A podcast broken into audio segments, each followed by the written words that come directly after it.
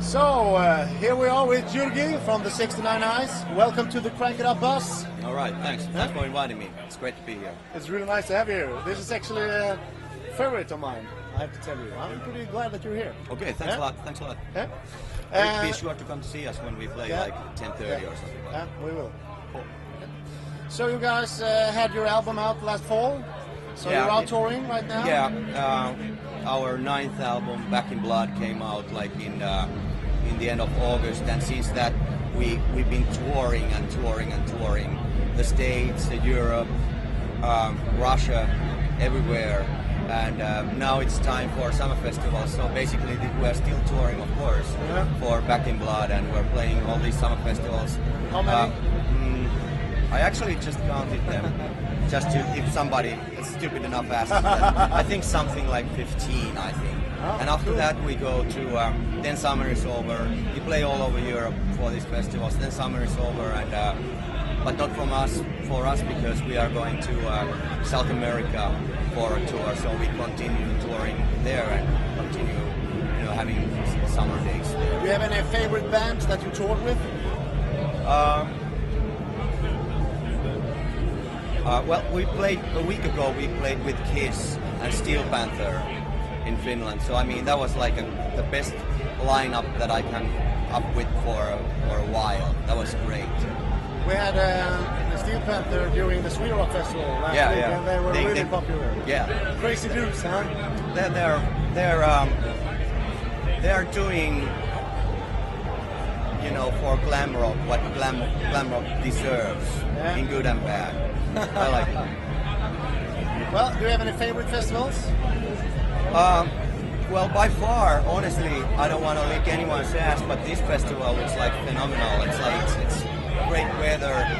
Gothenburg, I, I just love it, and of course, like beautiful uh, Swedish rockers, girls here. So uh, looks looks They great. they are quite popular. I have to Yeah, yeah. I mean, any festival in, in Sweden is always great for us. We just love it, and uh, it's interesting because uh, uh, the 69 Eyes is a mixture between glam and gothic rock, and here in Sweden we have our audience is like uh, nearly completely glam rock Yeah. audience, and that's always like really great and outrageous looking people and beautiful girls and all that. Since you brought it up, I have to ask you, when, when Yeah. we say that we're going to interview the 69 Eyes, people say, eh, ask about the goth and roll thing. So Yeah. now I ask you, what is goth and roll?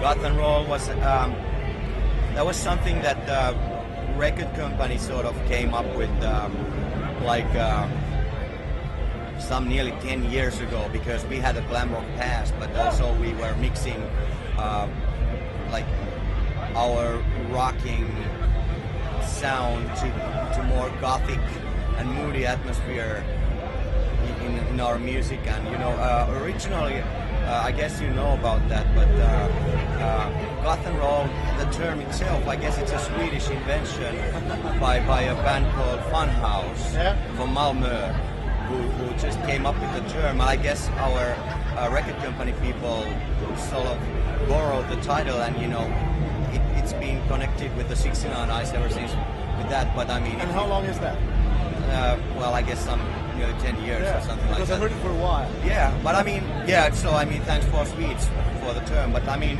um, in the end, I guess that's also a little bit old term because you know, like like I talk already talked about glam rock. Glam rock is like totally reborn these days. Yeah. Thanks a lot Most for definitely. yeah for for Sweden.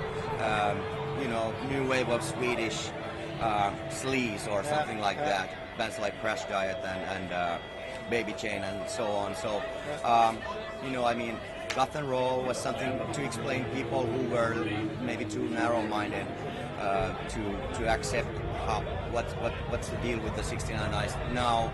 As the time has passed and glam is popular again, so I guess people also are more open for new new ideas. So I mean, also like after goth and roll, we were called as gothic glam rock, and, and you know, I, I guess I, in the end, with Back in Blood, uh, somebody came up with the term vampire rock. So I guess that's that that gives the best idea at this moment of, of what the 69 Eyes are, are about. Cool. And now when you guys have been on tour, I want you to tell me about uh, one of the best tour memories that you have. It don't have to be from this tour. I mean overall. Well, as, as we are playing at this festival and there's going to be uh, uh, Hell Yeah all the way from Texas playing tomorrow, one of the coolest things was like when we were touring in the States and uh, a couple of years ago and uh, Vinnie Paul and, and you, know from Hell Yeah, Yeah. And, and actually of course from Pantera and Plan Yeah. uh, came with his boys to see our show and invited uh, us after the show to his home and that was like amazing to uh, have a great uh, party night uh, with Vinnie Paul at his own home, and it was great uh, Texas hospitality, and that was like true rock and roll night. It, it was fantastic, and I uh, hardly, hardly can wait to meet Vinnie here. I hopefully he's. I, I heard that he's somewhere here. Oh, we so- haven't seen him yet. But, Yeah, yeah. And uh, the opposite of that, what's your worst tour memory? Um, well, I mean, I don't too much like flying, so uh, we are flying a lot. Of But course. we just flew here even, so every time there's a turbulence in the airplane, I don't, I don't too much like it. I'm actually. Uh, You have to drink more Koskenkorva. Okay. well, I, I I have to do the show, so I can't actually drink. So, uh, actually, when we landed here uh, two hours ago, there was a, it was really windy. Yeah. There was some strange turbulence, but I mean, uh, yeah. Well, cool. it, it's it, it, the worst moment on touring is like when there's turbulence in the airplane, and that can happen any any time. So, but that's a pretty little thing in the end. Uh, touring is cool. Ah, cool. Uh, since we're a bit short on time here, I'm going to finish with some. Uh, we call them the five fasts. Okay. Yeah, I'll Alright. give you two options, and you give me the one you prefer. Okay. Okay. Are you ready? Yeah. All right. Yeah. Go ahead. Jack Daniels or Lagavulin? Uh, Jack Daniels. Ah, good answer. Rock and roll or girls? That's a bit tricky. Yeah, I know. Well, I mean, rock and roll, of course, because with that you will get the girls. Also a good answer. yeah. Um, um, Harley Davidson or a Ferrari? Um, I don't actually have a driver's license, so I, I Ah. have to take Ferrari because So, I, I need a bicycle beautiful, beautiful, uh, no, no, I need a beautiful girl to drive Ferrari, so I will be sitting on the, the Being the real rock star, yeah, right? Yeah, Okay, that's good. You like pizza or sushi? Um,